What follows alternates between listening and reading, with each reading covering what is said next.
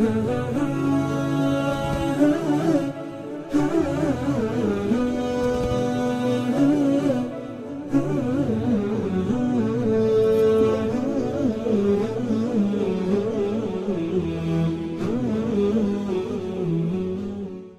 الرحمن الرحيم. الحمد لله رب العالمين وصلى الله وسلم وبارك على سيدنا ونبينا محمد وعلى آله وصحبه أجمعين. اللهم علمنا ما ينفعنا وانفعنا بما علمتنا. وارزقنا جميعا الإخلاص والسداد والتوفيق في القول والعمل. يا رب العالمين. حياكم الله أيها الإخوة والأخوات في هذا اللقاء الثاني والثلاثين بعد المئة من لقاءات التعليق على تفسير الإمام ناصر الدين عبد الله بن عمر البيضاوي الشافعي رحمه الله تعالى. واليوم هو الأحد الخامس من شهر صفر من عام 1440 للهجرة. وكنا أنهينا التعليق على كلام الإمام البيضاوي وتفسيره لقوله تعالى حرمت عليكم الميتة والدم ولحم الخنزير وما أهل لغير الله به والمنخنقة والموقوذة والمتردية. إلى آخر الآية التي عدد الله فيها عددا من المحرمات آه، المتعلقة بالأكل وبالطعام وبغيره. ثم انتقل الحديث أيضا إلى ما أحل بعد ذلك من الطيبات أو من المطاعم. آه، لعلنا نبدأ به بإذن الله في هذا اللقاء. فتفضل يا شيخ أحمد. بسم الله. بسم الله والحمد لله والصلاة والسلام على رسول الله صلى الله عليه وسلم. اللهم اغفر لنا ولشيخنا وللمسلمين أجمعين. قال الإمام البيضوي رحمه الله يسألونك ماذا أحل لهم؟ لما تضمن السؤال معنى القول أوقع على الجملة. وقد سبق الكلام في ماذا؟ وإنما قال لهم ولم يقل لنا وإنما قال لهم ولم يقل لنا على الحكاية. لأن يسألونك بلفظ الغيبة وكلا الوجهين سائغ في أمثاله. والمسؤول ما أحل لهم من المطاعم كأنهم لما تلي عليهم ما حرم عليهم سألوا عما أحل لهم. قل أحلت لكم الطيبات ما لم تستخبثه الطباع السليمة ولم تنفر عنه. ومن مفهومه حرم مستخبثات العرب أو ما لم يدل نص ولا قياس على حرمته. وما علمتم من الجوارح عطف على الطيبات إن جعلت ما موصولة على تقدير وصيد ما علمتم. وجملة شرطية إن جعلت شرطا وجوابها فكلوا. والجوارح كواسب الصيد على أهلها من سباع, من سباع ذوات الأربع والطير. مكلبين معلمين إياه الصيد والمكلب مؤدب الجوارح ومضريها بالصيد مشتق من الكلب لأن التأديب يكون أكثر فيه وآثر أو لأن كل سبع يسمى كلبا لقوله عليه الصلاة والسلام اللهم سلط عليه كلبا من كلابك وانتصابه على الحال من علمتهم.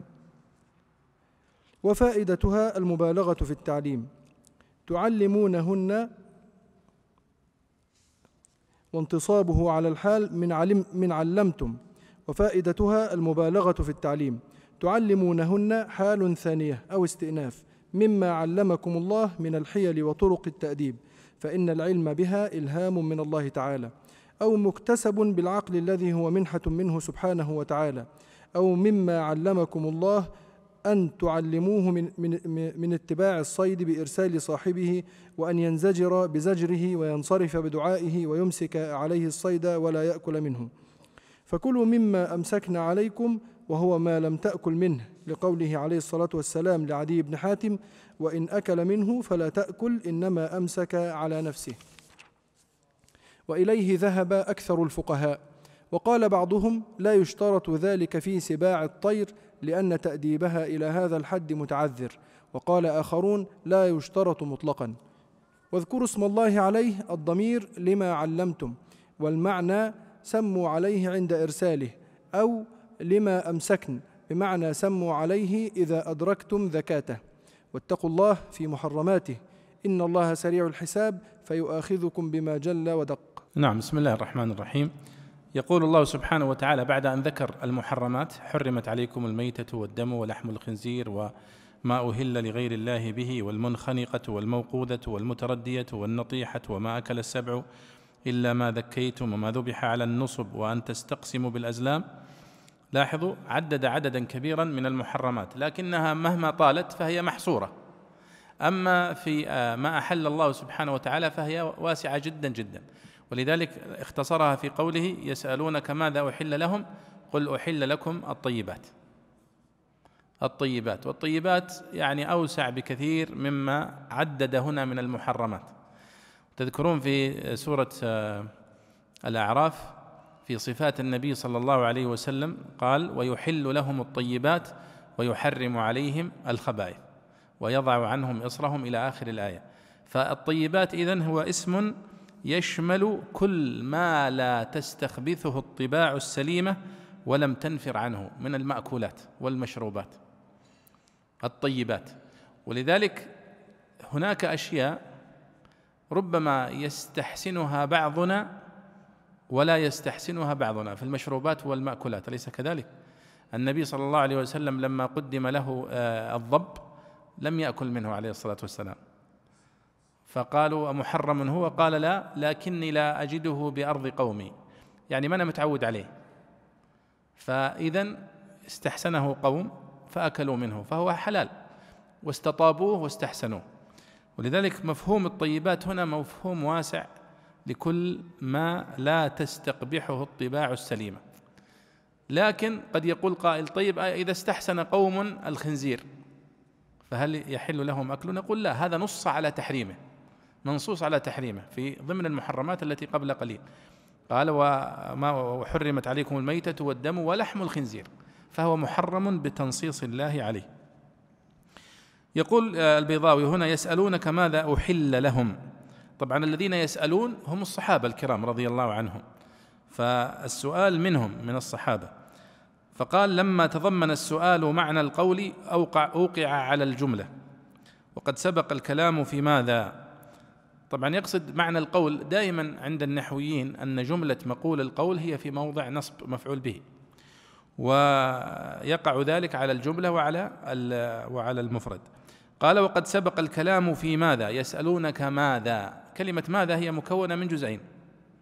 ما؟ الاستفهامية. زائد اسم الإشارة ذا. ما ذا؟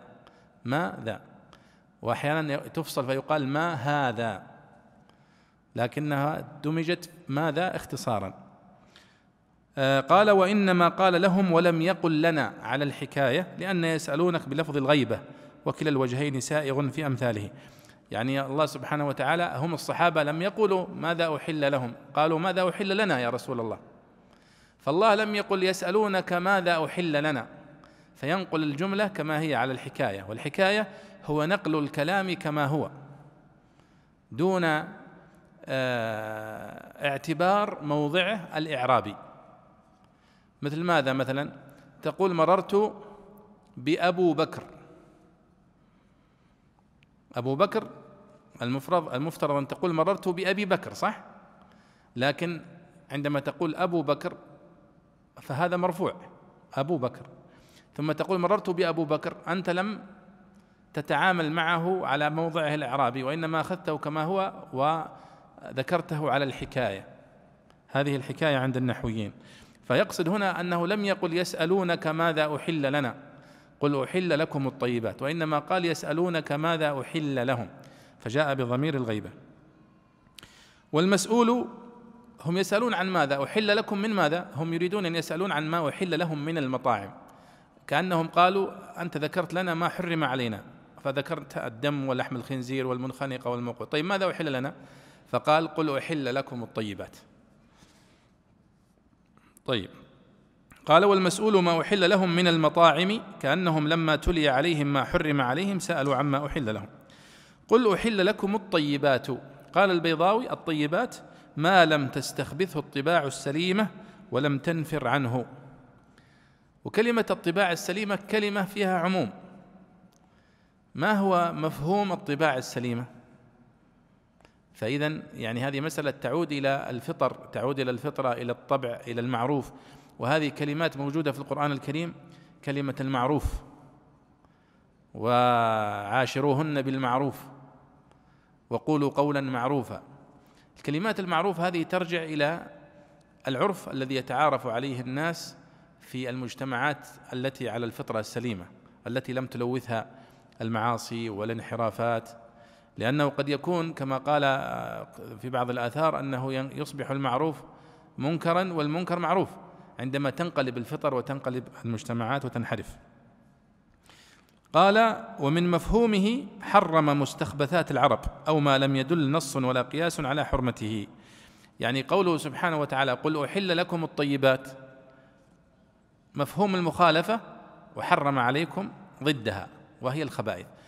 ونحن نقول مفهومها هو هذا ولكن أيضا يؤيد ذلك النص في سورة الأعراف ويحل لهم الطيبات ويحرم عليهم الخبائث. فنص على تحريم الخبائث. قال وما علمتم من الجوارح مكلبين تعلمون تعلمونهن مما علمكم الله. يعني معنى الآية أحل لكم الطيبات وأحل لكم ما علمتم من الجوارح مكلبين. ما علمتم من الجوارح مكلبين إذن هو الصيد. الذي يصطاد عن طريق حيوانات الصيد كلاب الصيد الصقور ونحوها.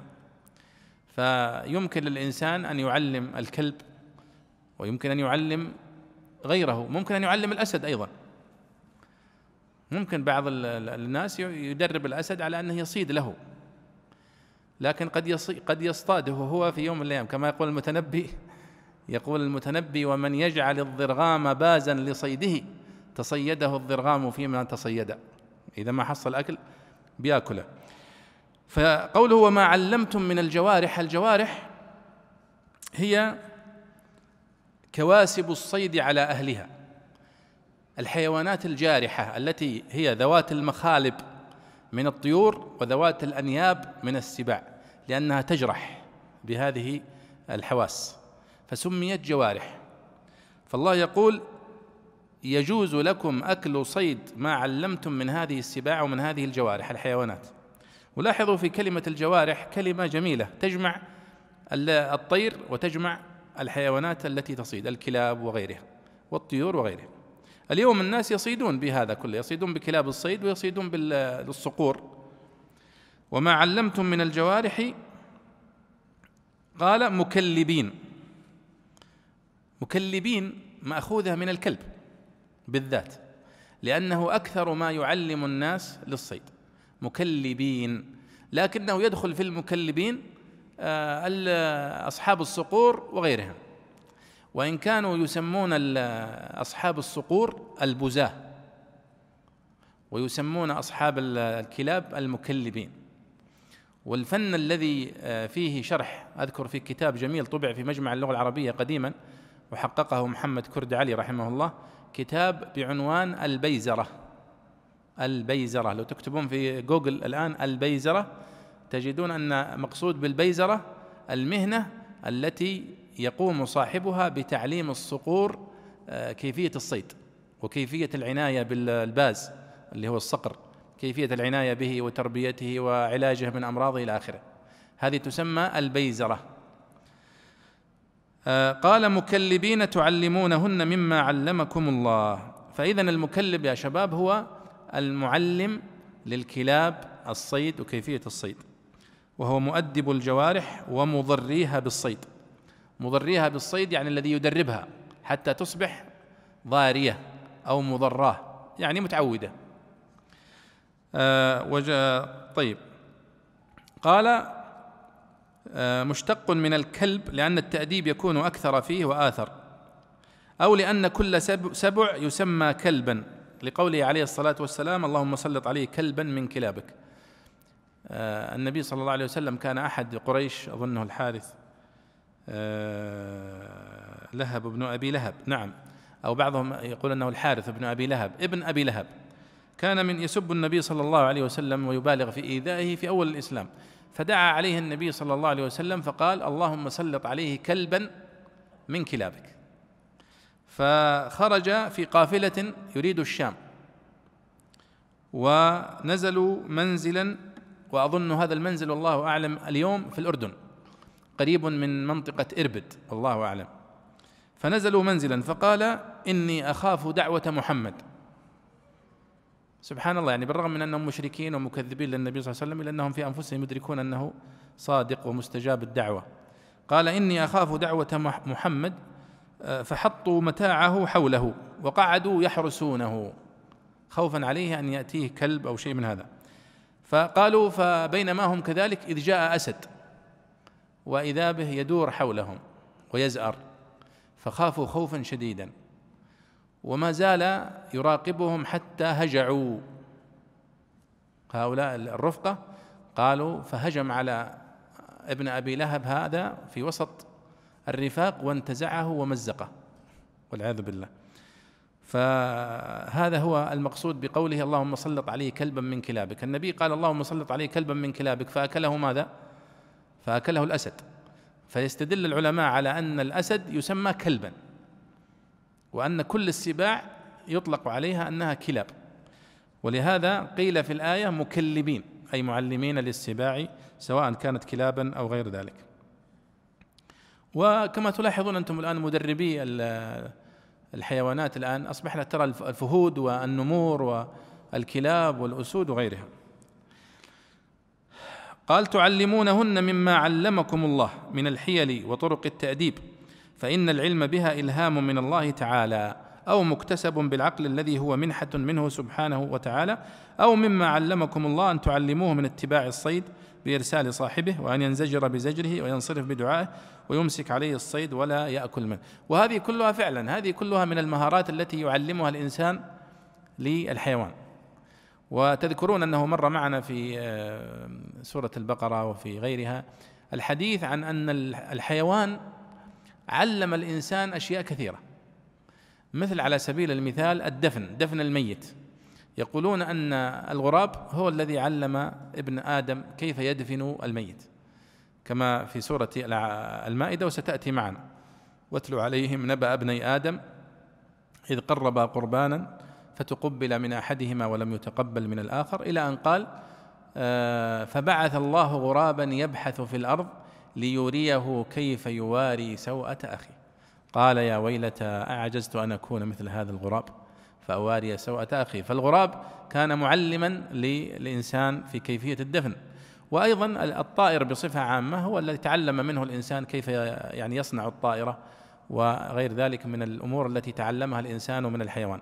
لكن أيضا الحيوان أيضا قد يتعلم من الإنسان أشياء كما في تعلم الصيد والإمساك لأن الصقر بطبيعته هو يصيد لنفسه والأسد بطبيعته يصيد لنفسه والكلب يصيد لنفسه لكن أن يعلم كيف يصيد لغيره هذه مهارة تعلم بحيث أنه يمسك الصيد ولا يقتله حتى يأتي صاحبه فيذبحه ويقتله. طيب قال فكلوا مما أمسكنا عليكم وهو ما لم تأكل منه. يعني أمسكته لك وليس لها. فإذا ما أمسكته الحيوانات لها فلا يجوز أكله. لقوله عليه الصلاة والسلام لعدي بن حاتم كما في صحيح البخاري وإن أكل منه فلا تأكل إنما أمسك على نفسه. فإذا ما أكله الكلب لنفسه أو السبع أو الم... فإنه يكون محرما على صاحبه. وإليه ذهب أكثر الفقهاء. وبعضهم يقول لا لا يشترط أن يمسك على نفسه كل ما أمسك الطائر المدرب فإنه يجوز أكله حتى لو قتله. قال لا يشترط ذلك في سباع الطير لأن تأديبها إلى هذا الحد متعذر. لكن ما هو بصحيح. حتى سباع الطير فإنها تدرب على إمساك الضحية دون قتلها. ثم قال واذكروا اسم الله عليه واتقوا الله إن الله سريع الحساب. يعني وما علمتم من الجوارح يجوز لكم أكله إذا ذكرتم اسم الله عليه. وذلك عند إطلاق الطائر أو عند إطلاق الكلب فإنه يقال بسم الله ويجوز لك أن تأكل ما أمسك عليك. واتقوا الله في محرماته إن الله سريع الحساب فيؤاخذكم بما جل ودق. تذكرون أنه من ضمن المحرمات التي سبقت في الآية السابقة وما أهل لغير الله به. لا يجوز أكله. يعني الذي يذكر عليه غير اسم الله فإنه محرم. طيب تفضل يا شيخ. قال رحمه الله اليوم أحل لكم الطيبات وطعام الذين أوتوا الكتاب حل لكم. يتناول الذبائح وغيرها ويعم الذين أوتوا الكتاب اليهود والنصارى واستثنى علي رضي الله تعالى عنه نصارى بني تغلب وقال ليسوا على النصرانية ولم يأخذوا منها إلا شرب الخمر ولا يلحق بهم المجوس في ذلك وإن ألحقوا بهم في, في التقرير على الجزية لقوله عليه الصلاة والسلام سنوا بهم سنة أهل الكتاب غير ناكحي نسائهم ولا آكل, ولا آكل ذبائحهم وطعامكم حل, حل لهم فلا عليكم أن تطعموهم وتبيعوه منهم. ولو حرم ولو ولو حرم عليهم لم يجز ذلك. والمحصنات من المؤمنات أي الحرائر أو العفائف وتخصيصهن بعث على ما هو الأولى. والمحصنات من الذين أوتوا الكتاب من قبلكم وإن كن حربيات. وقال ابن عباس لا تحل الحربيات. إذا آتيتموهن أجورهن مهورهن وتقييد الحل بإيتائها لتأكيد وجوبها والحث على ما هو الأولى. وقيل هو وقيل المراد بإيتائها التزام التزامها. محصنين أعفاء بالنكاح غير مسافحين غير مجاهرين بالزنا ولا متخذي أخدان مسرين به. والخدن الصديق يقع على الذكر والأنثى. ومن يكفر بالإيمان فقد حبط عمله وهو في الآخرة من الخاسرين. يريد بالإيمان شرائع الإسلام وبالكفر إنكاره والامتناع عنه. نعم. إذا هذا استمرار للحديث عن ما أحله الله سبحانه وتعالى للمسلمين من المطاعم والمشارب. فقال اليوم أحل لكم الطيبات. فكرر الإشارة إلى أن الطيبات حلال أكلها وحلال شربها. ويتناول هذا الذبائح وغيرها. ويعم الذين أوتوا الكتاب اليهود والنصارى. اليوم أحل لكم الطيبات وطعام الذين أوتوا الكتاب حل لكم. وأهل الكتاب إذا أطلقت فهو يقصد به اليهود والنصارى لأنهم في الغالب يذبحون الذبائح على آه، الشريعة آه، السماوية. فكل الشرائع السماوية يا شباب قد جاءت بكيفية الذبح الحلال. من لدن إبراهيم ونوح كل الأنبياء عليهم الصلاة والسلام قد بينوا لأقوامهم كيف يذبحون الذبائح. ولكن الشيطان لا يلبث أن يصرف الناس ويحرف ويحرف آه، يعني هذه الذبائح لتكون لغير الله.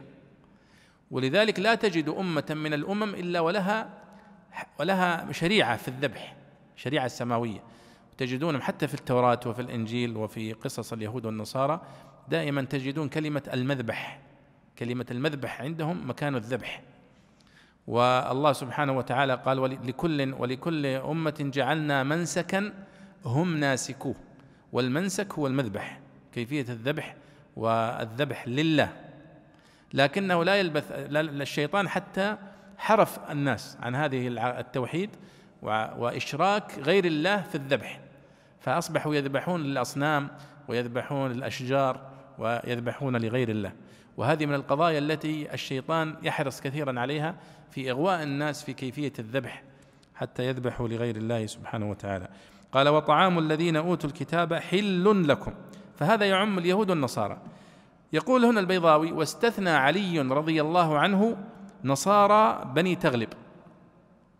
قبيلة بني تغلب قبيلة عربية. كانت كان فيهم نصارى كثر. فنصارى بني تغلب يقول علي بن أبي طالب ليسوا على النصرانية ولم يأخذوا منها إلا شرب الخمر.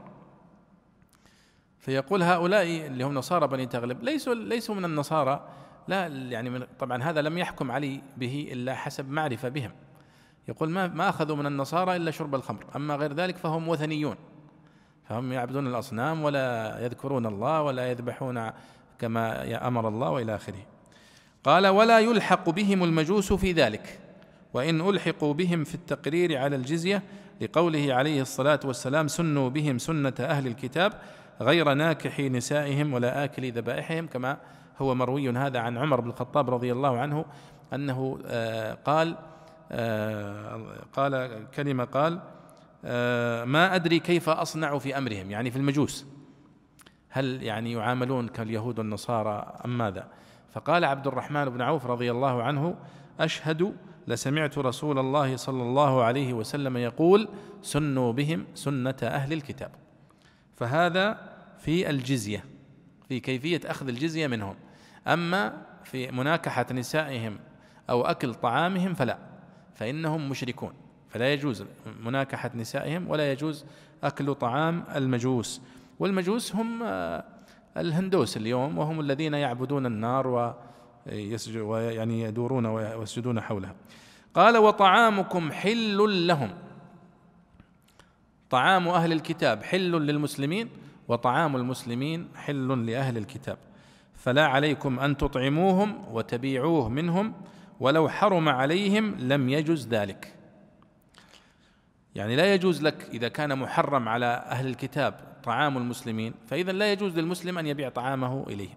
لكن ما دام أنه يجوز لأهل الكتاب أن يأكلوا طعام المسلمين فيجوز للمسلم أن يبيعه عليهم والعكس كذلك. قال والمحصنات طبعا اليوم الكلام اليوم في حل أكل أهل الكتاب كلام طويل للعلماء والفقهاء المعاصرين آه، في أنه لم يبقى من من من من طريقة ذبح أو الذبح على الشريعة على الشريعة السماوية حتى عند النصارى ما أصبح كثير من النصارى لا يذبح الذبائح على طريقة شرعية وإنما يذبحونها بالصعق الكهربائي ويذبحونها بنحو ذلك من الطرق التي آه، هي طرق محرمة. ولذلك أفتى العلماء بعدم جواز أكلهم إذا علم أنها تذبح بهذه الطريقة. لكن اليهود لا زالوا اليهود إلى اليوم يذبحون ذبائحهم كما يذبحها المسلمون. لا زالوا متمسكين بهذا فلذلك يجوز أكل ذبائح اليهود عند الجميع. وأما النصارى ففيها تفصيل. إذا كان علم أنها تذبح بهذه الطريقة كالصعق الكهربائي أو الضرب أو نحو ذلك فإنها لا تجوز لا يجوز أكلها. وقد رأيت يعني بعض الصور التي فيها قتل الذبائح بالمسدس وقتل الذبائح بالشاكوش. حتى يبقى الدم في الذبيحة فيكون وزنها أثقل فتكون أغلى.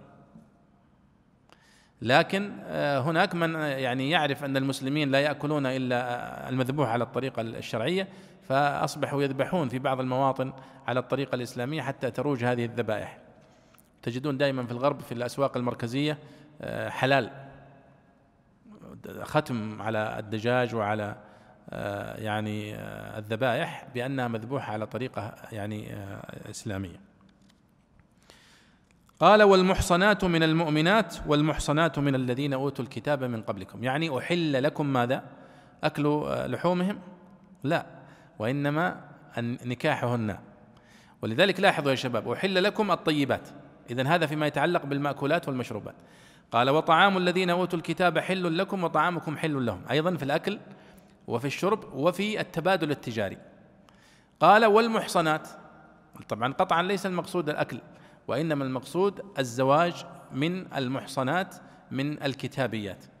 والمحصنات تطلق في القرآن الكريم على عدة معاني ويعرف المقصود بها من السياق الذي وردت فيه. فهنا نقول المحصنات أي الحرائر أو العفائف. فيقال للمرأة العفيفة محصنة ولو لم تكن متزوجة.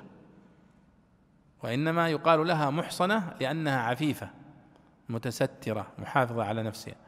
ويقال أيضا للمتزوجة محصنة كما في سورة النساء عندما قال الله سبحانه حرمت عليكم أمهاتكم وبناتكم وأخواتكم. إذا قال والمحصنات من النساء. يعني المتزوجات. فإنها محرم أن تتزوج بالمتزوجة. فكذلك هنا والمحصنات من المؤمنات أي العفيفات. وتخصيصهن بعث على ما هو الأولى كأنه يحث الله سبحانه وتعالى المسلم الا ينكح إلا العفيفة المحصنة. قال والمحصنات من الذين أوتوا الكتاب من قبلكم. أي يجوز للمسلم نكاح المحصنات العفيفات من أهل الكتاب من اليهود ومن النصارى. والمحصنات من المؤمن من من من الذين أوتوا الكتاب من قبلكم من اليهود والنصارى. وإن كن حربيات المقصود بالحربيات اللاتي ينتسبن إلى قوم يحاربون المسلمين. فإن يجوز نكاحهم. وابن عباس رضي الله عنه قال لا تحل الحربيات. ولعله يقصد ابن عباس من كان يخشى من الزواج بها أن يكون في ذلك ضرر به أو بالمسلمين. كأن يتزوج بهذه المرأة النصرانية أو اليهودية وهي من قوم محاربين فتكون جاسوسة. على المسلمين وتدخل في آه، في صفهم آه، من أجل الإضرار بهم.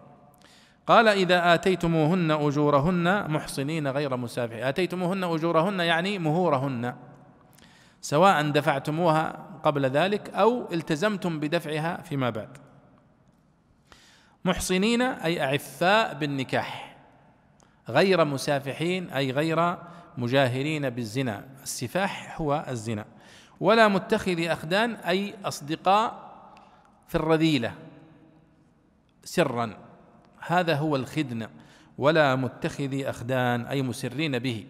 والخدن في اللغة هو الصديق. يطلق على الرجل وعلى المرأة. يقال رجل خدن وامرأة خدن يعني صديق. ومن يكفر بالإيمان فقد حبط عمله وهو في الآخرة من الخاسرين. أي ومن يكفر بشرائع الإسلام كلها. فلاحظوا هنا سمى الإسلام كله سماه إيمانا. فقال فمن ومن يكفر بالإيمان فقد حبط عمله. سمى الإسلام إيمانا في هذه الآية. نعم ثم ينتقل الآن إلى الحديث عن كيفية الوضوء. وقد يقول قائل وش اللي جاب الوضوء بعد هذه المحرمات؟ فيقال إن يعني الله سبحانه وتعالى حتى يبين لنا أنه آه، ما الذي ينبغي أن تتطهر آه، منه. وبعض هذه الحيوانات التي أجاز الله أكلها جاءت السنة بوجوب الوضوء بعد أكل لحوم الإبل.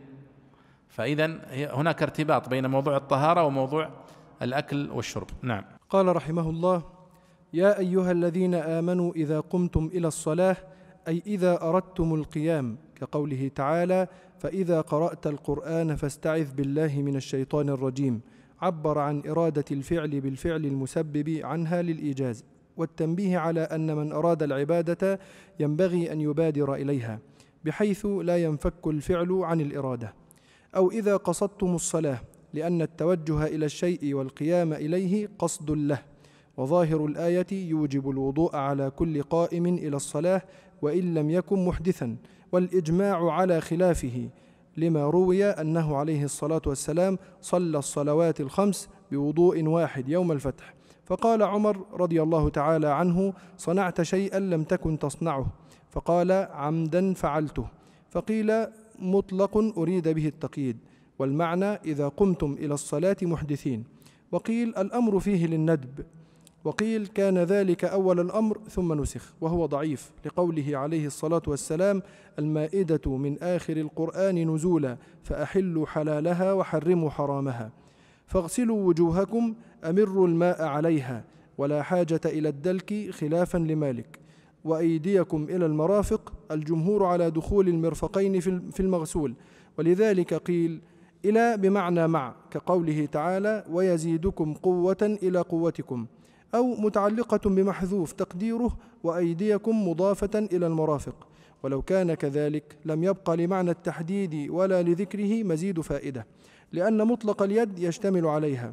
وقيل إلى تفيد الغاية مطلقا وأما دخولها في الحكم أو خروجها منه فلا دلالة لها عليه وإنما يعلم من خارج ولم يكن في الآية. وكانت الأيدي متناولة لها فحكم بدخولها احتياطا وقيل إلى من حيث إنها تفيد الغاية تقتضي خروجها وإن لم تكن غاية لقوله تعالى فنظرة إلى ميسرة وقوله تعالى ثم أتم الصيام إلى الليل لكن لما لم تتميز الغاية ها هنا عن ذي الغاية وجب إدخالها احتياطا. وامسحوا برؤوسكم الباء مزيدة وقيل للتبعيض فإن الفارق بين قولك مسحت المنديل وبالمنديل. ووجهه أن يقال إنها تدل على تضمين الفعل معنى الإلصاق فكأنه قيل وألصقوا المسح برؤوسكم.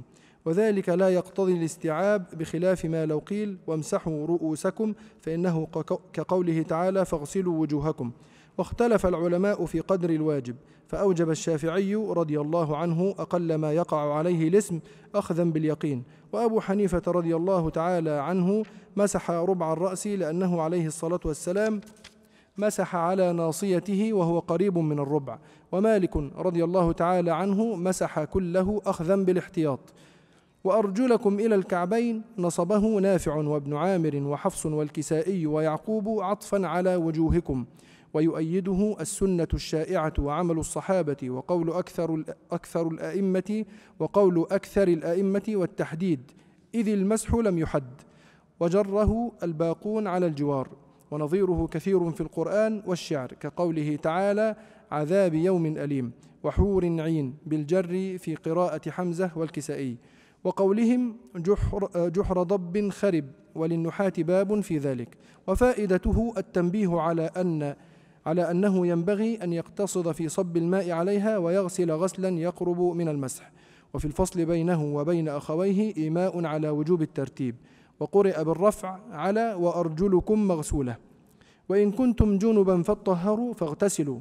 وإن كنتم مرضى أو على سفر أو جاء أحد منكم من الغائط أو لامستم النساء فلم تجدوا ماء فتيمموا فتيمموا صعيدا طيبا فامسحوا بوجوهكم وأيديكم منه سبق تفسيره. ولعل تكريره ليتصل الكلام في بيان أنواع الطهارة. ما يريد الله ليجعل عليكم من حرج أي ما يريد ما يريد الأمر بالطهارة للصلاة أو الأمر بالتيمم تضييقا عليكم. ولكن يريد ليطهركم لينظفكم أو ليطهركم عن الذنوب فإن الوضوء تكفير للذنوب أو ليطهركم بالتراب إذا أعوزكم التطهير بالماء. فمفعول يريد في الموضعين محذوف واللام للعلة وقيل مزيدة والمعنى ما يريد الله أن يجعل عليكم من حرج حتى لا يرخص لكم في التيمم. ولكن يريد أن يطهركم وهو ضعيف لأن أن لا تقدر بعد المزيدة. وليتم نعمته عليكم ليتم بشرعه ما هو مطهرة لأبدانكم ومكفرة لذنوبكم ولا مكفرة؟ ومكفرة لذنوبكم نعمته عليكم في الدين. أو ليتم برخ برخصة إنعامه عليكم بعزائمه. لعلكم تشكرون نعمته. والآية مشتملة على سبعة أمور كلها مثنى طهارتان أصل وبدل. والأصل اثنان مستوعب مستوعب, مستوعب وغير مستوعب. وغير المستوعب باعتبار الفعل غسل ومسح وباعتبار المحل محدود وغير, وغير محدود. وأن آل آلتهما مائع وجامد وموجبهما حدث أصغر وأكبر. وأن المبيح للعدول إلى البدل مرض أو سفر. وأن الموعود عليهما تطهير الذنوب وإتمام, وإتمام, وإتمام النعمة. بارك الله فيك. طبعا هذه الآية هي آية الوضوء وهي آية الباب في الوضوء في القرآن الكريم وهي الآية التي شرع الله فيها كيفية الوضوء آه، للمسلم. يقول الله سبحانه وتعالى يا أيها الذين آمنوا إذا قمتم إلى الصلاة فاغسلوا وجوهكم وأيديكم إلى المرافق وامسحوا برؤوسكم وأرجلكم إلى الكعبين وإن كنتم جنبا فاطهروا وإن كنتم مرضى أو على سفر أو جاء أحد منكم من الغائط أو لامستم النساء فلم تجدوا ماء فتيمموا صعيدا طيبا فامسحوا بوجوهكم وأيديكم منه. ما يريد الله ليجعل عليكم من حرج ولكن ليريد ليطهركم وليتم نعمته عليكم لعلكم تشكرون.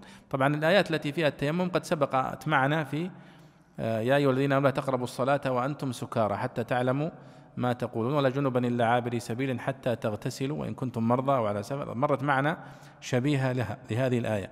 لكن هذه الآية هي يعني أشمل وأوسع وهي متأخرة لأن الآيات التي في سورة المائدة آه، آيات محكمة لأنها من آخر ما نزل على النبي صلى الله عليه وسلم. فيقول يا أيها الذين آمنوا إذا قمتم إلى الصلاة فاغسلوا وجوهكم إلى آخره. يعني إذا أردتم القيام إلى الصلاة تماما كما في قوله وإذا قرأت القرآن فاستعذ بالله من الشيطان الرجيم. يعني إذا أردت أن تبدأ في قراءة القرآن فاستعذ قبل أن تبدأ في القراءة. فهنا عبر عن إرادة الفعل المسبب عنها للإيجاز والتنبيه. طيب. آه وظاهر الآية يوجب الوضوء على كل قائم إلى الصلاة. لاحظوا البيضاوي هنا وهو يفسر الآية. وكثير من آيات سورة المائدة هي من آيات الأحكام الكبرى المليئة بالتفاصيل الفقهية. فالبيضاوي بالرغم من ذلك يحاول اختصار الاستطراد والاختلاف بين الفقهاء في تفسيرها وهو يأخذ دائما ويرجح جانب الإمام الشافعي واختيار الإمام الشافعي في الاختيار في الآيات الآيات الأحكام في القرآن الكريم. فهو يقول هنا ظاهر الآية يوجب الوضوء على كل قائم إلى الصلاة. يا أيها الذين آمنوا إذا قمتم إلى الصلاة فاغسلوا وجوهكم. طيب وإذا كنت على وضوء هل يجب علي أن أتوضأ مرة أخرى؟ قال لا. ما الذي أخرج هذا عن الوجوب الظاهر؟ قال فعل النبي صلى الله عليه وسلم. وهذا يجعلنا نؤكد مرة أخرى يا شباب على أهمية السنة النبوية في فهم القرآن الكريم. وأنه لا يمكن يرحمك الله لا يمكن لك أن تنفرد بالقرآن الكريم فقط وتفهم الشريعة الإسلامية من القرآن فقط. لا يمكن أبدا. وإنما أنت محتاج إلى السنة. ولذلك في كلمة جميلة للإمام الشافعي في الرسالة عندما قال السنة القرآن أحوج أو أنها للإمام أحمد. السن القرآن أحوج إلى السنة من السنة إلى القرآن. فبعضهم لم يفهم هذه الكلمة على وجهها ومقصود الإمام أحمد هذا. بل إن في بعض الروايات السنة قاضية على القرآن. فالمقصود بها هذه المواضع التي لا يمكن أن يفهم القرآن الكريم إلا بالسنة النبوية. فهنا يا أيها الذين آمنوا إذا قمتم إلى الصلاة فاغسلوا وجوهكم. ظاهرها أنه يجب الوضوء لكل من يقوم إلى الصلاة. ولكن الواقع وإجماع الصحابة والعلماء على أنه لا يجب ذلك إلا على من كان على غير وضوء. وأما من كان على وضوء فلا يجب عليه أن يتوضأ مرة أخرى.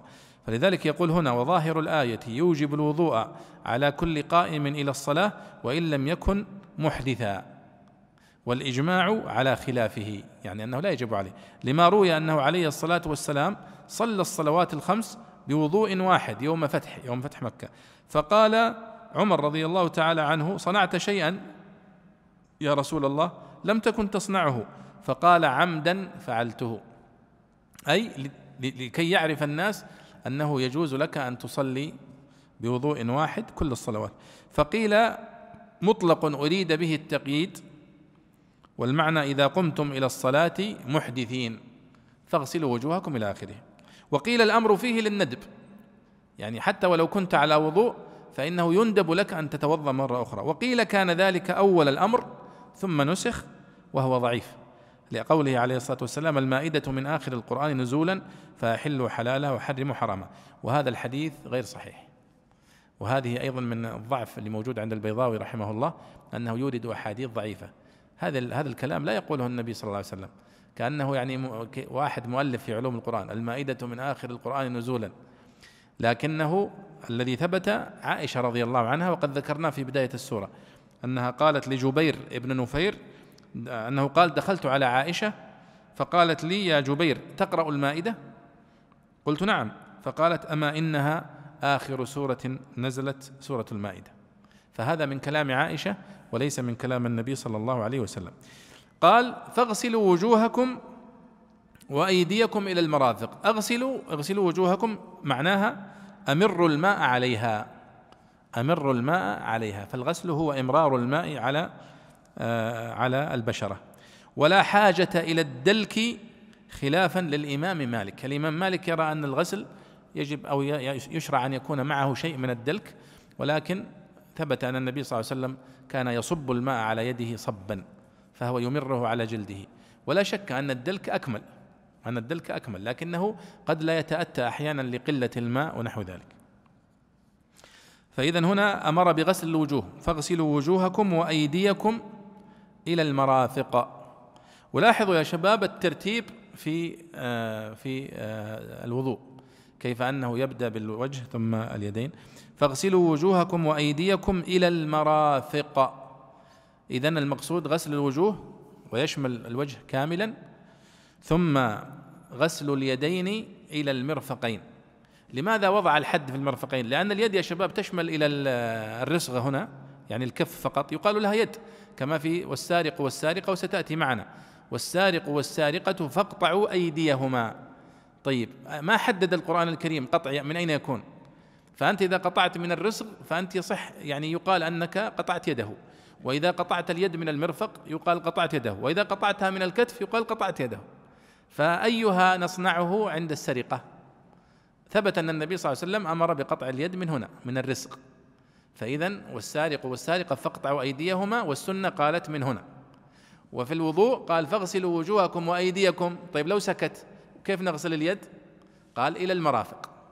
فإذا حدد لنا موضع الغسل إلى المرافق. ولعل ذلك بسبب أن هذا في الغالب هو الذي يتعرض للأوساخ ونحو ذلك.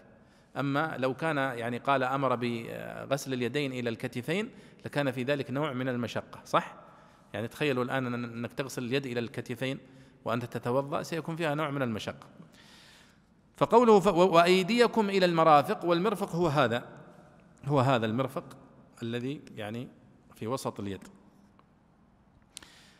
آه هنا سؤال فقهي وهو مرتبط يا شباب بدلالة حروف المعاني. يعني الآن عندما يقول العلماء هل فاغسلوا وجوه وأيديكم إلى المرافق هل نغسل المرفق؟ ولا ما نغسل المرفق؟ يعني الله يقول إلى المرافق. طيب هل ما بعد إلى يدخل ولا ما يدخل؟ هذه مسألة مرتبطة بدلالة الحرف نفسه إلى.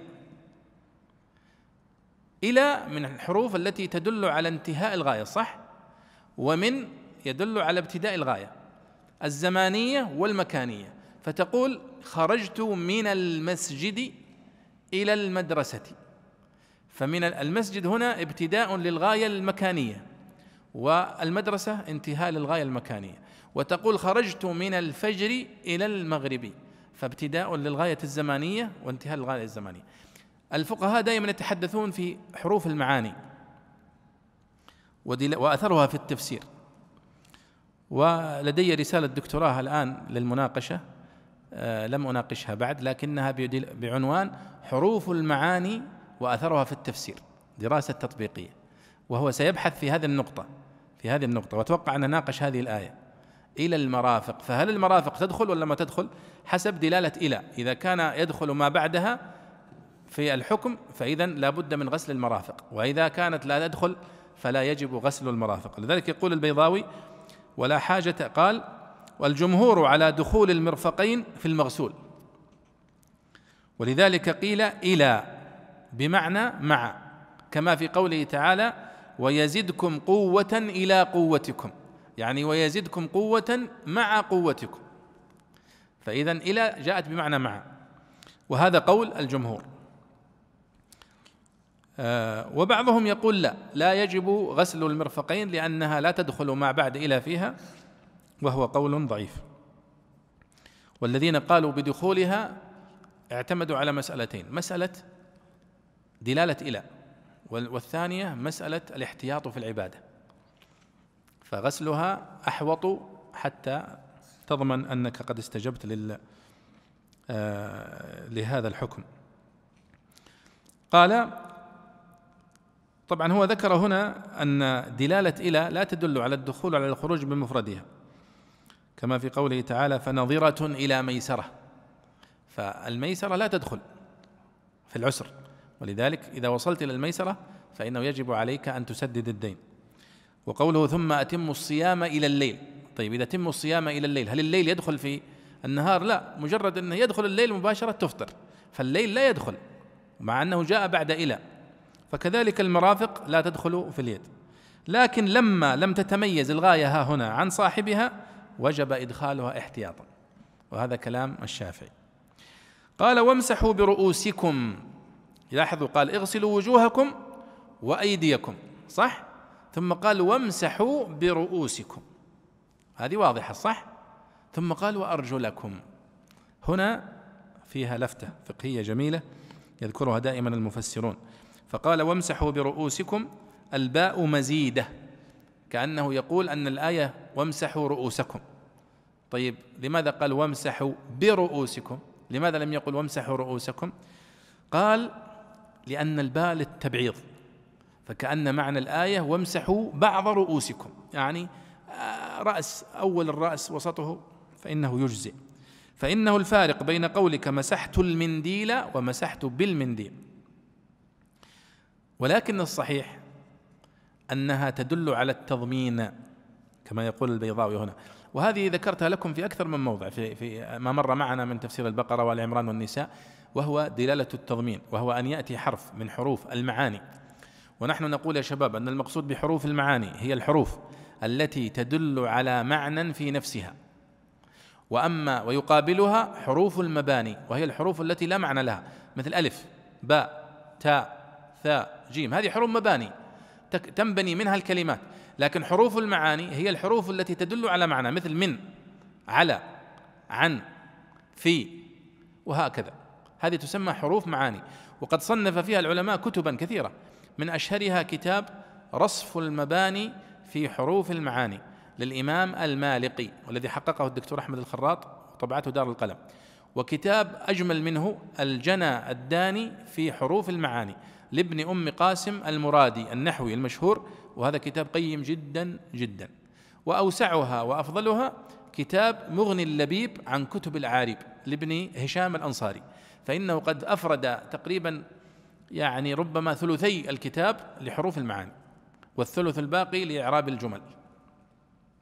وجهه أن يقال إنها تدل على تضمين الفعل معنى الإلصاق فكأنه قيل وألصقوا المسح برؤوسكم وذلك لا يقتضي الاستيعاب بخلاف ما لو قيل وامسحوا رؤوسكم فإنه كقوله واغسلوا وجوهكم. ولذلك اختلف العلماء. ولاحظوا شوفوا اختلاف المفسرين يا شباب. لماذا يختلف المفسرون في بعض الآيات؟ هناك أسباب تجعل المفسرين يختلفون. اختلافا سائغا مقبولا. من أسباب الاختلاف دلالات الحروف دلالات حروف المعاني. من أسباب الاختلاف آه الاختلاف في الإعراب أحيانا. هنا مثلا وامسحوا برؤوسكم. الباء هذه لماذا جيء بها؟ بعضهم قال للتبعيض. إذن لا يجب عليك أن تمسح الرأس كاملا. وبعضهم يقول لا ليست للتبعيض. فيلزمك أن تمسح الرأس كاملا. فإذا الاختلاف بين الفقهاء سببه هذا الحرف حرف الباء. هنا ودلالته اللغوية. فهنا يذكر التضمين يقول أن الباء هنا معناتها وأمسحوا برؤوسكم. الباء هنا جعلتنا نضمن في معنى امسحوا فعل آخر. يعدى بالباء وهو قريب من دلالة امسحوا وهو ألصقوا. لأنه يعني أنسب لأن يعدى بالباء. وألصقوا برؤوسكم. يعني ألصقوا أيديكم برؤوسكم. يعني امسحوا بأيديكم رؤوسكم ملصقين لها. وأصلا هل يمكن أنك تمسح رأسك بيدك دون أن تكون ملتصقة؟ ما يمكن صح؟ قال فاغسلوا وجه واختلف العلماء في قدر الواجب يعني في مسح الرأس. فأوجب الشافعي رضي الله تعالى, عنه أقل ما يقع عليه الاسم أخذا باليقين. وأبو حنيفة قال مسح ربع رأسه فقط لأنه عليه الصلاة والسلام مسح على ناصيته وهو قريب من الربع. ومالك رضي الله تعالى عنه مسح كله أخذا بالاحتياط. فالإمام مالك يرى أنك تشيل العمامة وتمسح الرأس كله. وبعضهم طبعا يستثقل هذا ويرى العمامة متعبة. إنك تلبس العمامة مرة ثانية خاصة زي عمامات مثلا السودانيين. فإنك عندما تقول له لابد أن تمسح رأسك كاملا معناه إنك لازم تشيل العمامة وتمسح الرأس كامل ثم تلبسها مرة أخرى. فهذا قد يكون فيه مشقة. لكن قول الإمام آه، الشافعي أنك أو الإمام أبو حنيفة تمسح ربع الرأس أو الناصية. فهذا يجزئ إن شاء الله تعالى وكلها ولله الحمد. آه، أقوال سائغة لكن منشأ الاختلاف هو دلالة برؤوسكم هذا. الباء ودلالته اللغوية. ثم قال وأرجلكم إلى الكعبين. شوفوا هنا الاختلاف يا شباب. الله يقول يا أيها الذين آمنوا إذا قمتم إلى الصلاة فاغسلوا وجوهكم. وجوهكم هنا مفعول به صح؟ اغسل فعل أمر والفاعل آه أنتم. رؤوسكم آه وجوهكم مفعول به. وأيديكم مفعول به. وامسحوا برؤوسكم. صرنا الآن مخفوض صح؟ ثم قال وامسحوا برؤوسكم وأرجلكم. آه كيف نعرب أرجلكم الآن؟ المفروض انه يقول وامسحوا برؤوسكم وأرجلكم فتكون معطوفة على مجرور. وهذه هي قراءة عدد من القراء. فامسحوا برؤوسكم وأرجلكم. لكن قراءة حفص وقراءة نافع وابن عامر والكسائي ويعقوب كلها بالنصب. وامسحوا برؤوسكم وأرجلكم. فتصبح أرجلكم هنا معطوفة على ماذا؟ على وجوهكم. فكأن المعنى واغسلوا وجوهكم وأيديكم وأرجلكم وامسحوا برؤوسكم. وهذا هو الذي يحدث في الوضوء صح؟ فأنت تغسل وجهك ويديك ورجليك وتمسح برأسك. طيب لماذا جاءت بهذا الترتيب؟ قالوا إشارة إلى أنه لابد من مراعاة الترتيب في الوضوء. فلا بد أن تسير في ترتيب الوضوء بهذه الطريقة. هذه الوحدة. الأمر الثاني آه، أن قوله وامسحوا برؤوسكم وأرجلكم بالكسر توجيهها لها توجيهان. التوجيه الأول ما ذكره الشيخ البيضاوي وهو يقول وجره الباقون على الجوار والجوار هو إعطاء الكلمة إعراب ما جاورها ولو خالفها في الإعراب. فمثلا تقول مررت بجحر ضب خرب. فقالوا خرب هنا هي آه هي وصف للجحر صح؟ وليست وصف للضب. لكنها نصبت على الجوار. ومثل قوله أيضا وحور عين. وهي أصلا وحور عين في آه، قراءة من قرأها بالكسر. وكذلك عذاب يوم أليم. وهذا باب مشهور في كتب النحو يسمونه باب الجوار. وإن كان بعض كثير من النحويين يرى أنه لم يرد في القرآن الكريم ولا يجوز أن تعرب شيئا في القرآن الكريم على أنه آه، على الجوار. ولذلك الإعراب الأفضل هو أن يقال أن قوله تعالى وامسحوا برؤوسكم وأرجلكم في حال لبس الخفين فإن الإنسان واحد منا إذا كان لابس للجورب أو لابس عليه خف ويريد أن يمسح عليه فإنه يجزئه المسح كما يمسح على رأسه. أليس كذلك؟ في حال لبس الجورب. فيكون أن الرجلين لها حالتان. إما أن تكون يعني يعني ليس عليك جورب ولا ولا ولا خف فحقها في هذه الحالة الغسل. وإما أن يكون عليك جورب أو عليك خف فحقها المسح. فقوله اغسلوا وجوهكم وأيديكم إلى المرافق وامسحوا برؤوسكم وامسحوا بأرجلكم إذا كان عليها خف أو جورب. وإذا قلنا في حالة النصب وامسحوا برؤوسكم وأرجلكم فيكون الرجلين تغسل كما تغسل الوجه واليدين والله أعلم. هذا. ثم قال وفي الفصل بينه وبين أخويه إيماء على وجوب الترتيب يعني يعني لم يقل الله سبحانه وتعالى فاغسلوا وجوهكم وأيديكم وأرجلكم إلى الكعبين وامسحوا برؤوسكم لأنه يريد أن يكون الترتيب كما هو في الآية الوجه ثم اليدين ثم الرأس ثم الرجلين. قال وقرئ بالرفع على وأرجلكم يعني واغسلوا وجوهكم وأيديكم إلى المرافق وامسحوا برؤوسكم وأرجلكم. وهذه قراءة شاذة بالضم. يعني وأرجلكم مغسولة. ثم قال وإن كنتم جنبا فاطهروا يعني فاغتسلوا. والجنابة هو وصف لحال من يعني أحدث حدثا أكبر. قال وإن كنتم مرضى أو على سفر أو جاء أحد منكم من الغائط أو لامستم النساء فلم تجدوا ماء فتيمموا صعيدا طيبا. هنا الآن هو يبحث ويرشد إلى البديل عن الغسل, الغسل بالماء. فامسحوا بوجوهكم وأيديكم منه. قال البيضاوي هنا سبق تفسيره. وين سبق تفسيره؟ في آية 43 من سورة النساء التي قوله يا أيها الذين آمنوا لا تقربوا الصلاة وأنتم سكارى حتى تعلموا ما تقولون ولا جنبا إلا عابري سبيل حتى تغتسلوا وقد مرت معنا. وهذا أيضا يبين لكم يا شباب منهجية البيضاوي رحمه الله في التفسير وأنه إذا مرت معه آيات سبق تفسيرها فإنه يحيل إليها ولا يكررها. وهذا شأن كثير من المفسرين بالمناسبة. ابن الجوزي في كتابه زاد المسير القرطبي في كتابه الجامع الطبري رحمه الله في كتابه آه، فإنهم يقولون وقد سبق وقد مر.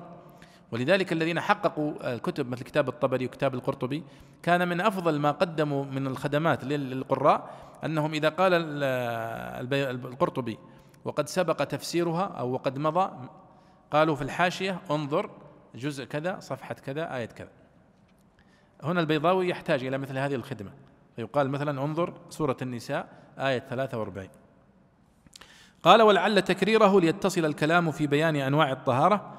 في قوله ما يريد الله ليجعل عليكم من حرج أي ما يريد الأمر بالطهارة للصلاة أو الأمر بالتيمم تضييقا عليكم ولكن يريد ليطهركم أي لينظفكم أو ليطهركم عن الذنوب فإن الوضوء تكفير للذنوب. كما ثبت في السنة النبوية صح؟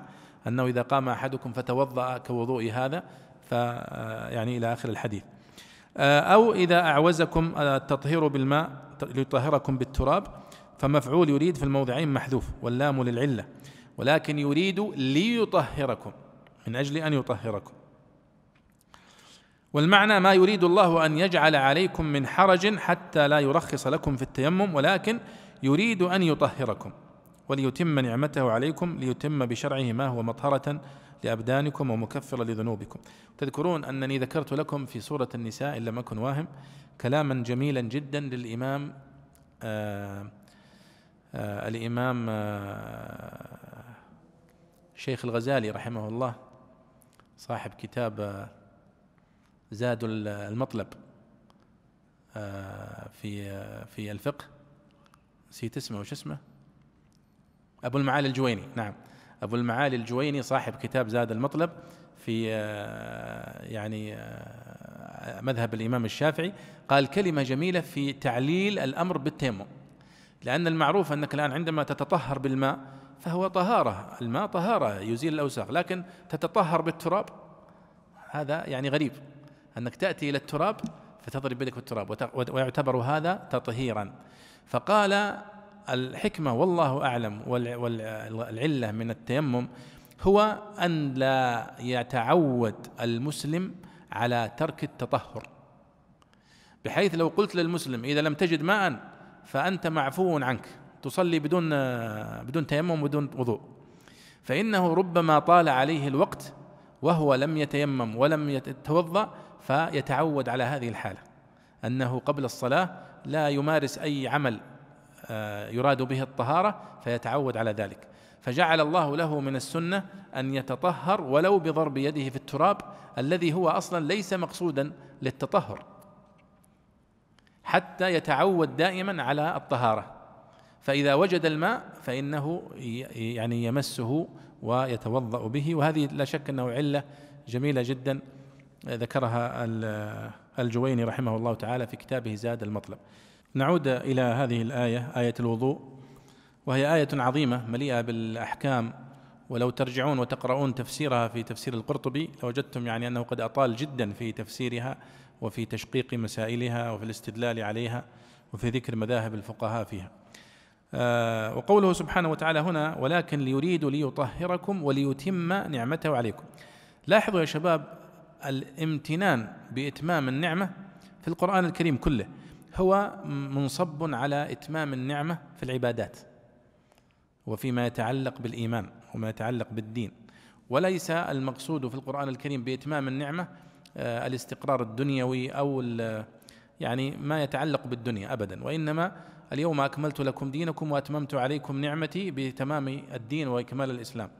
وقوله هنا وليتم نعمته عليكم في ما يتعلق بتشريع الوضوء والتيمم.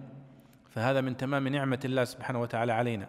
وأيضا سيأتي معنا قال رجلان من الذين يخافون أنعم الله عليهما أي بالهداية. صراط الذين أنعمت عليهم يعني بالهداية. فأولئك مع الذين أنعم الله عليهم أي بالهداية وهكذا. قال لعلكم تشكرون. طيب. ثم قال البيضاوي وهذه لفتة أو ملحة من ملح التفسير إن صح التعبير البيضاوي أنا أتصور أن البيضاوي نقلها عن الرازي لأن الرازي هو الذي يحرص على هذه الأشياء. قال والآية مشتملة على سبعة أمور كلها مثنى طهارتان أصل وبدل والأصل اثنان مستوعب وغير مستوعب وغير المستوعب باعتبار الفعل غسل ومسح وباعتبار المحل محدود وغير محدود وأن آلتهما مائع وجامد وموجبهما حدث أصغر وأكبر. وأن المبيح للعدول إلى البدل مرض أو سفر وأن الموعود عليهما تطهير الذنوب وإتمام النعمة. يعني مثل هذه طبعا هي من ملح التفسير وليست من صلبه ويحرص عليها مثل الإمام الرازي رحمه الله في كتابه آه، التفسير. والمقصود بها طهارتان أصل وبدل. طهارتان أصل وبدل. الطهارة الأصلية هي تكون بالماء والبدل يكون بالتراب بالتيمم. ثم قال والأصل اثنان مستوعب وغير مستوعب. يعني الطهارة الأصلية بالماء أن يكون هذا الطهارة بالماء مستوعبة وغير مستوعبة. فالمستوعبة هي الغسل الذي يعم الجسم كله والذي ورد وإن كنتم جنوبا فطهروا وغير المستوعبة هي الوضوء لأنها تستوعب فقط أعضاء محددة خصصها الله بالذكر. قال وغير المستوعب باعتبار الفعل غسل ومسح. يعني غير المستوعب اللي هي الوضوء. باعتبار الفعل غسل وهو بالماء ومسح وهو بالتراب وباعتبار المحل محدود وغير محدود. فالمسح مثلا هو غير محدود. قد بعضهم قال نصف الرأس وبعضهم قال ربع الرأس. ومحدود مثل غسل الوجه وغسل اليدين إلى المرافق فهو محدد. وقال وأرجلكم إلى الكعبين فهو محدد. فهذا هو مقصوده. وأن آلتهما يعني آلة هذه الطهارة آه، شيئان. مائع وجامد. المائع هو الماء والجامد التراب. وموجبهما حدث أصغر وأكبر. يعني الموجب للوضوء الحدث الأصغر والموجب للغسل هو الحدث الأكبر. وأن المبيح للعدول إلى البدل يعني أنك بدل أن تغتسل بالماء تتيمم قال الذي يدعوك إلى العدول إلى التراب هو إما مرض أو السفر وعدم الحصول على الماء. وأن الموعود عليهما تطهير الذنوب وإتمام النعمة. يعني هذه لطيفة. يبدو أن البيضاوي رحمه الله مع حرصه على الاختصار الشديد إلا أنه لا يفوت مثل هذه اللطائف التي يجدها عند الرازي أو عند الراغب الأصفهاني أحيانا. طيب تفضل يا شيخ. قال رحمه الله واذكروا نعمة الله عليكم بالإسلام. لتذكركم المنعم وترغبكم في شكره. وميثاقه الذي واثقكم به إذ قلتم سمعنا وأطعنا يعني الميثاق الذي أخذه على المسلمين حين بايعهم رسول الله صلى الله عليه وسلم على السمع والطاعة في العسر واليسر والمنشط والمكره أو ميثاق ليلة العقبة أو بيعة الرضوان. واتقوا الله في إنساء نعمته ونقض ميثاقه إن الله عليم بذات الصدور أي بخفياتها فيجازيكم عليها فضلا عن جليات أعمالكم. جميل. يعني هنا بعد أن ذكر الله سبحانه وتعالى تشريع الوضوء آه، والتيمم قال واذكروا نعمة الله عليكم وميثاقه الذي واثقكم به إذ قلتم سمعنا وأطعنا. فهذا أيضا تأكيد لما ذكرته لكم من أن النعمة الحقيقية هي ما أتمه الله علينا من هذه الشرائع العظيمة. فهو يقول واذكروا نعمة الله عليكم بالإسلام لتذكركم المنعم وترغبكم في شكره. وأيضا اذكروا ميثاقه الذي واثقكم به إذ قلتم سمعنا وأطعنا. متى كان هذا؟ قال الميثاق الذي أخذه الله على المسلمين حين بايعهم رسول الله صلى الله عليه وسلم على السمع والطاعة في العسر واليسر والمنشط والمكره. أو ميثاق ليلة العقبة أو بيعة الرضوان كلها يصح أنها ميثاق أخذه الله سبحانه وتعالى على الصحابة رضي الله عنهم. واتقوا الله إن الله عليم بذات الصدور. أيضا هو أمر بالتقوى عامة ومطلقا. أيوة تفضل يا شيخ. قال رحمه الله يا أيها الذين آمنوا كونوا قوامين لله شهداء بالقسط ولا يجرمنكم شنآن قوم على ألا تعدلوا. عداه بعلى لتضمنه معنى الحمل والمعنى لا يحملنكم شدة بغضك بغضكم للمشركين على ترك العدل فيهم فتعتدوا عليهم بارتكاب ما لا يحل كمثلة وقذف وقتل نساء وصبية. وقتل نساء وصبية ونقض عهد تشفيا مما في قلوبكم. اعدلوا هو أقرب للتقوى أي العدل أقرب للتقوى. صرح لهم بالأمر بالعدل وبين أنه بمكان من التقوى بعدما نهاهم عن الجور وبين, وبين, أن مقتض وبين أنه مقتضى الهوى. وإذا كان هذا للعدل مع الكفار فما ظنك بالعدل مع المؤمنين؟ واتقوا الله إن الله خبير بما تعملون فيجازيكم به. وتكرير هذا الحكم إما لاختلاف السبب كما قيل إن الأولى إن الأولى نزلت في المشركين وهذه في اليهود أو لمزيد الاهتمام بالعدل والمبالغة في إطفاء ثائرة الغيظ. وعد الله الذين آمنوا وعد الله الذين آمنوا وعملوا الصالحات لهم مغفرة وأجر عظيم. إنما حذف ثاني مفعولي وعد استغناء بقوله لهم مغفرة فإنه استئناف يبينه.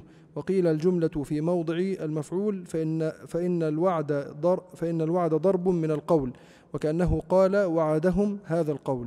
والذين كفروا وكذبوا بآياتنا أولئك أصحاب الجحيم. هذا من عادته تعالى أن يتبع حال أحد الفريقين حال الآخر وفاء بحق الدعوة. وفيه مزيد وعد المؤمنين مزيد وعد المؤمنين وتطيب آه، وتطيب لقلوبهم. نعم يعني هذه الآية أيضا من الآيات العامة الشاملة في القرآن الكريم وهي الأمر بالعدل مطلقا. والعدل هي قيمة آه، خلقية مطلقة. قد أمرنا بها في كل حال ومع كل أحد.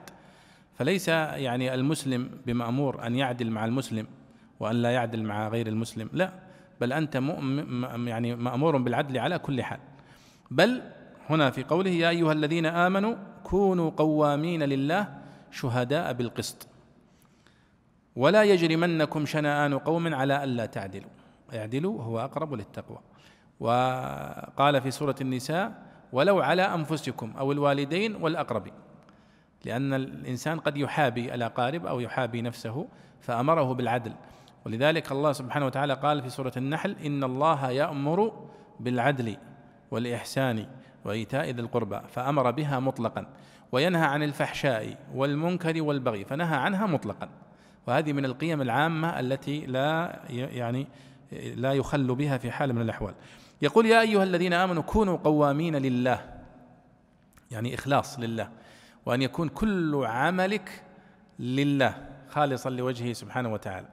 وهذه يا شباب هي طبعا تربية عظيمة للمسلم على الإخلاص في كل عمل. وقد قيل إذا أردت ألا تندم على عمل فاجعل كل عملك خالصا لوجه الله. لأن الذي يريد بعمله الدنيا أو يريد به أحدا من الناس فإنه قد ينكر ينكره أو ينكر معروفه فيشعر بالغبن لأنه قد أحسن إلى من لا يستحق. لكن عندما يعمل العمل وهو يرجو به وجه الله فإنه لا يضيره أن ينكره منكر أو أن يجحده جاحد. يقول عدى بعلى لتضمنه معنى الحمل. يا أيها الذين آمنوا كونوا قوامين لله شهداء بالقسط ولا يجرمنكم شنآن قوم على ألا تعدلوا. لماذا قال ولا يجرمنكم شنآن قوم على ألا تعدلوا؟ فعداه بحرف على وهو حرف من حروف المعاني ويدل على الاستعلاء. كما قال آه، إنكم لا وإنك لعلى صراط مستقيم. قالت عدي بعلى لتضمنه معنى الحمل. والمعنى لا يحملنكم شدة بغضكم للمشركين على ترك العدل فيهم فتعتدوا عليهم بارتكاب ما لا يحل كمثلة أو قذف وقتل نساء وصبية ونقض عهد تشفيا مما في قلوبكم. فالله نهى عن الظلم وتجاوز العدل مع الكفار المحاربين. فكيف مع المؤمنين؟ من باب أولى. قال اعدلوا هو أقرب للتقوى أي العدل أقرب للتقوى وصرح لهم بالأمر بالعدل. واتقوا الله إن الله خبير بما تعملون. ثم قال وعد الله الذين آمنوا وعملوا الصالحات لهم مغفرة وأجر عظيم. قال البيضاوي إنما حذف ثاني مفعولي وعد استغناء بقوله لهم مغفرة فإنه استئناف بيانه. يعني البيضاوي يقول وعد الله الذين آمنوا وعملوا الصالحات ماذا؟ المفترض أن يقول وعد الله الذين آمنوا وعملوا الصالحات مغفرة لأن وعد تأخذ مفعولين. وعد فعل ماضي. الله فاعل. الذين آمنوا وعملوا الصالحات مفعول به أول. أين المفعول به الثاني؟ قال محذوف.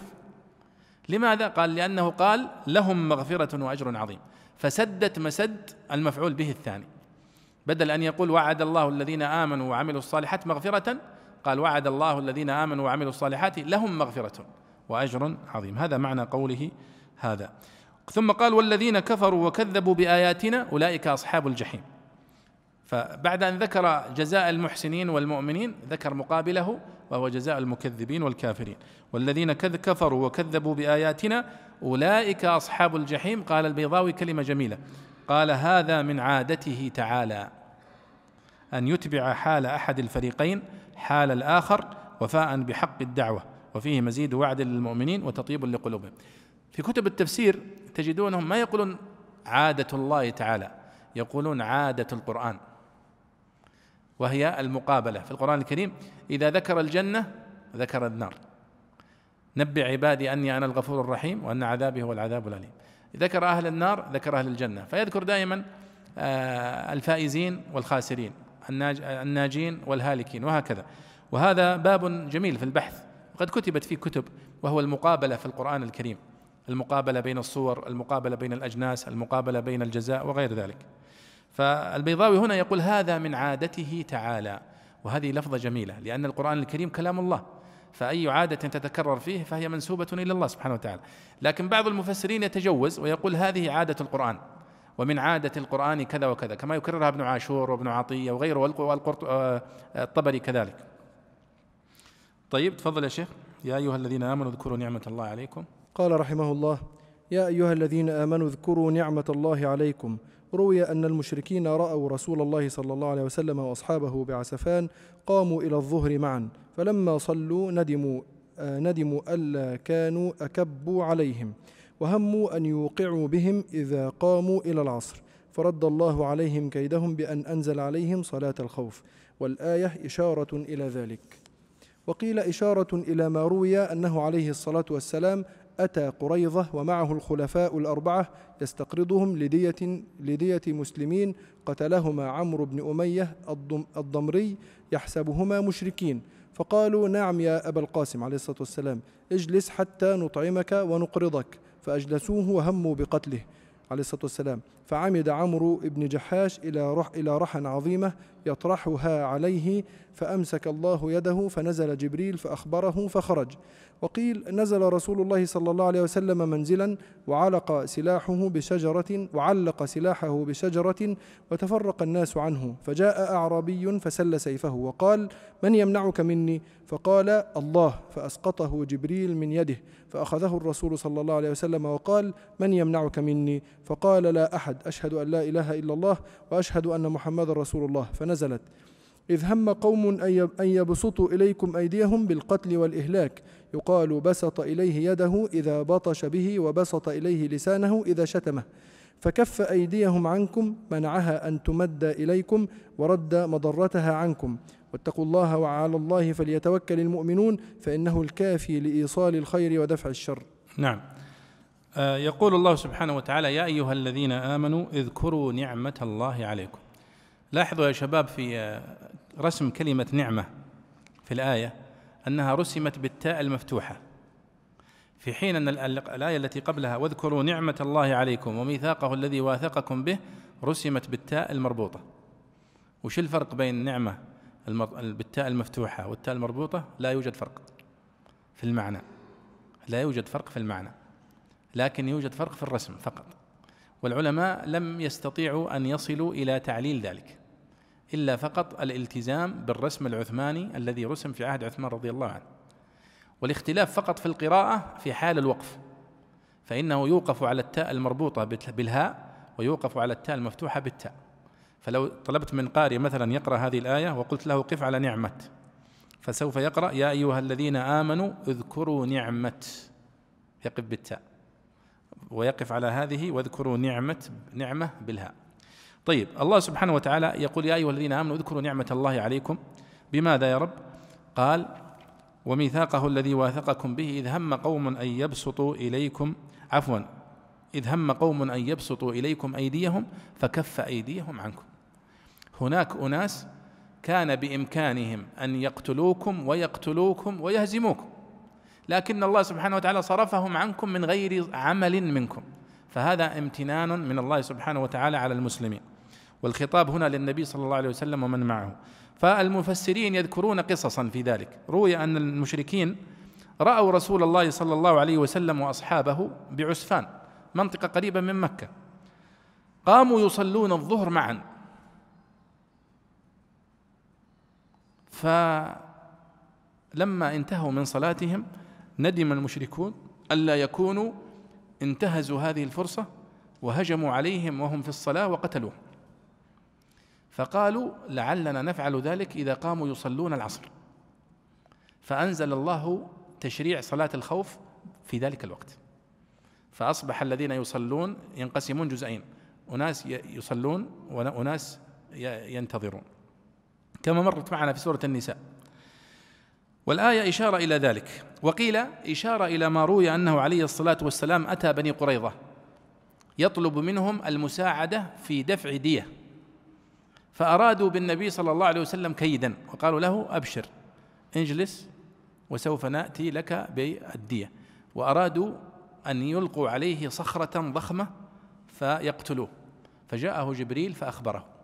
فخرج عليه الصلاة والسلام ونجا. وهذا أيضا يصح فيها أنهم كادوا يبسطوا إليك أيديهم بالسوء لكن الله كف يدك. فأيضا هذا ينطبق عليها هذه الآية أيضا.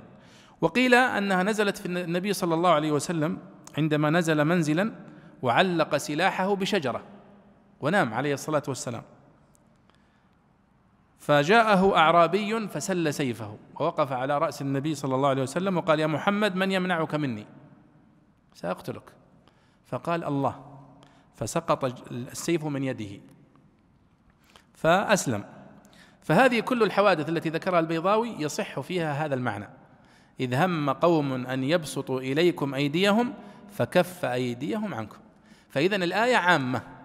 يدخل فيها كل حادثة يصح فيها أنه كان المشركون قادرين على الانتصار على المسلمين سواء على شكل على النبي صلى الله عليه وسلم وحده أو على من معه. أو على أكثر من ذلك. إذ هم قوم أن يبسطوا إليكم أيديهم بالقتل والإهلاك فكف أيديهم عنكم واتقوا الله وعلى الله فليتوكل المؤمنون فإنه الكافي لإيصال الخير ودفع الشر.